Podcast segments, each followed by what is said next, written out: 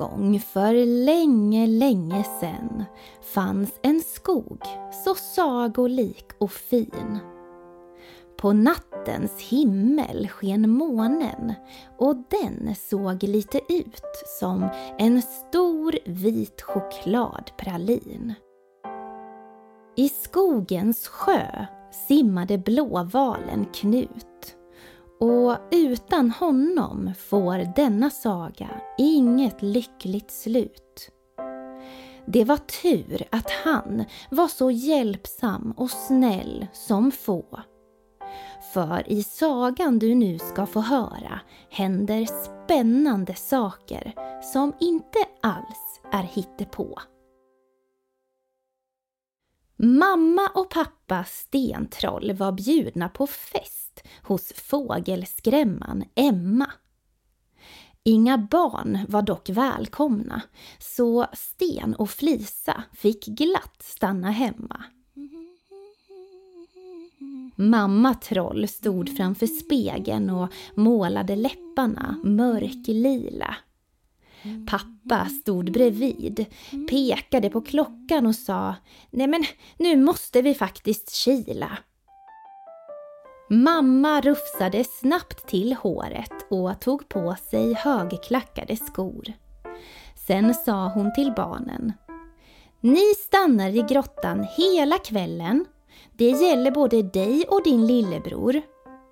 Och kom ihåg att inte borsta tänderna ikväll. De borstade ni ju igår så jag tycker att de ikväll kan få vara lite mer och naturell. Vi lovar att sköta oss, svarade Flisa och smålog. Aldrig skulle väl de här små trollungarna hitta på något ofog. Mamma och pappa Troll pussade sina barn hej då. Sen åkte de iväg till festen och lovade att vara hemma senast klockan två. När mörkret sen hade lagt sig och natten kommit fick trollbarnen för sig ett olovligt påhitt.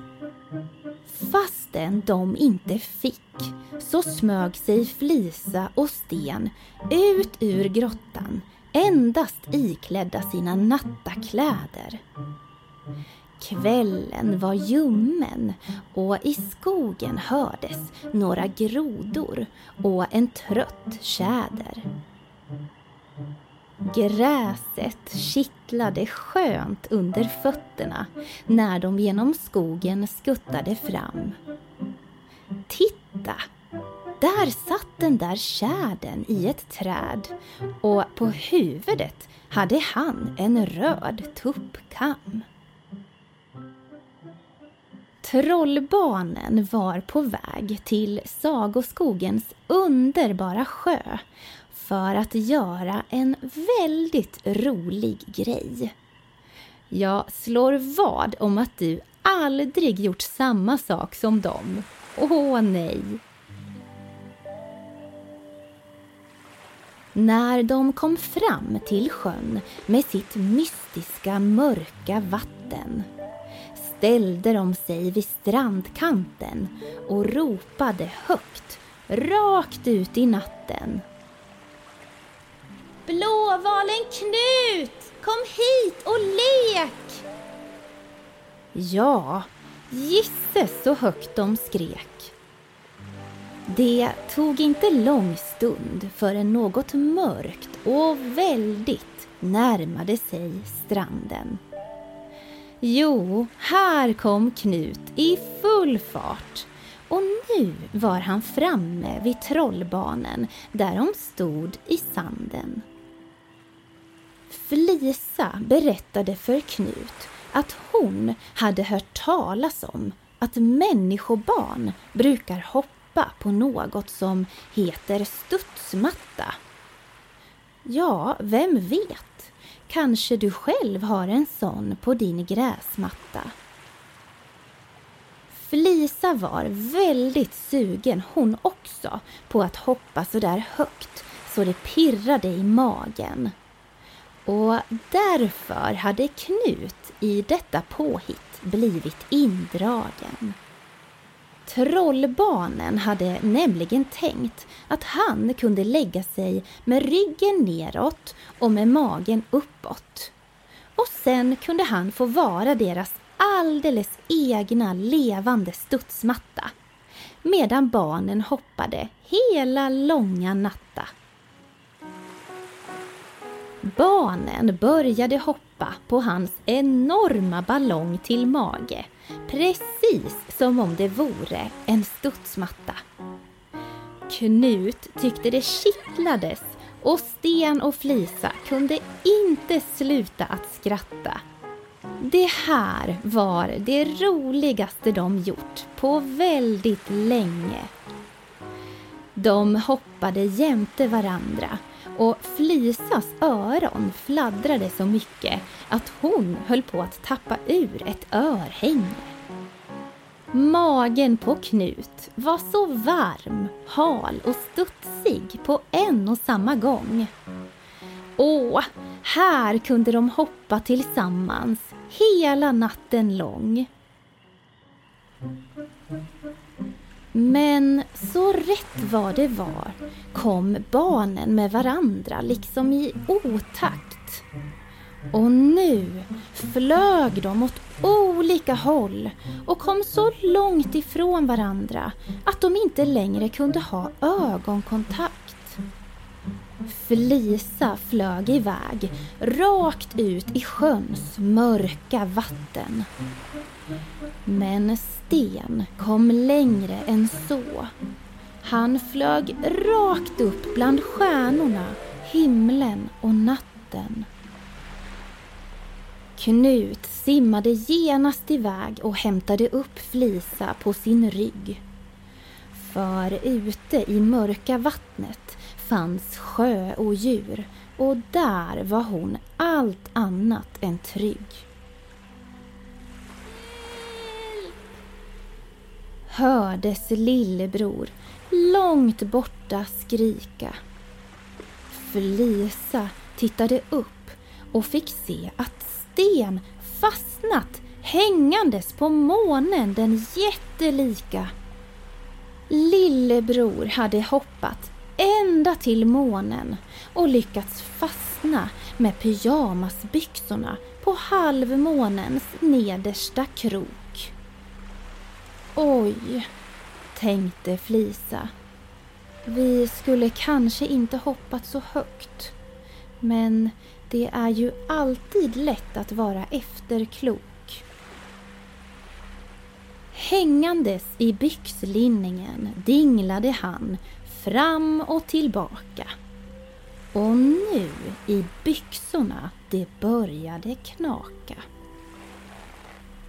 Jag kommer ramla ner och dö! Skrek han från himlakroppen. Ja, vi kan väl säga som så att den här leken faktiskt blev rena rama floppen.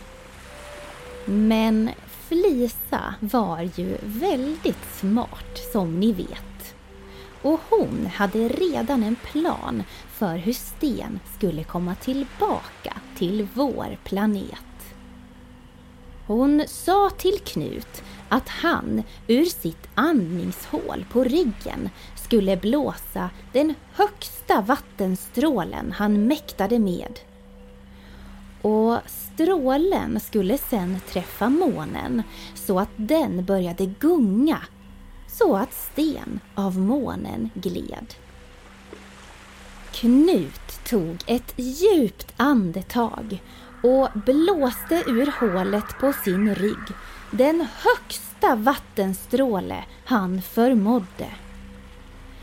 Hur långt tror du att den nådde?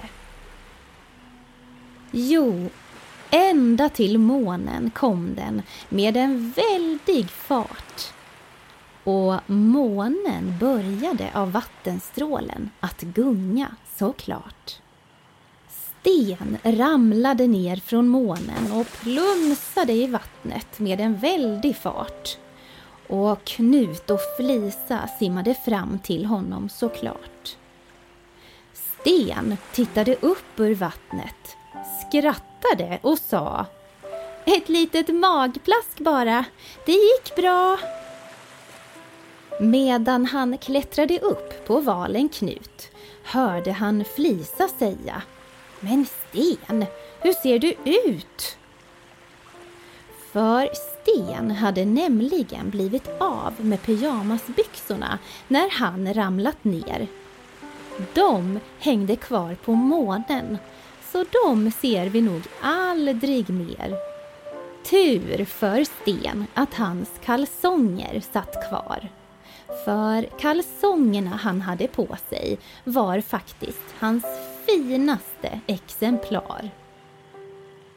Nej, sa Felisa. Nu måste vi bege oss hemåt igen. Tack för den här gången Knut, sa de och vinkade hejdå till sin gigantiska vän. Sen sprang de hem genom skogen med snabba ben. Genom myrar och över stockar och sten. Väl hemma hängde de kläderna på tork och kröp till sängs båda två. Tänk, de hann precis hem innan föräldrarna kom hem och klockan slog två. Ja, hörni, vilken galen natt för de små trollen. Och vilken tur att Knut såg till att Sten kom ner välbehållen. Nu hör jag att trollmor och trollfar är på väg för att titta så att barnen sover och att de inte hittat på något spratt. Så du och jag är väl som vanligt tysta om barnens hyss och så säger vi natt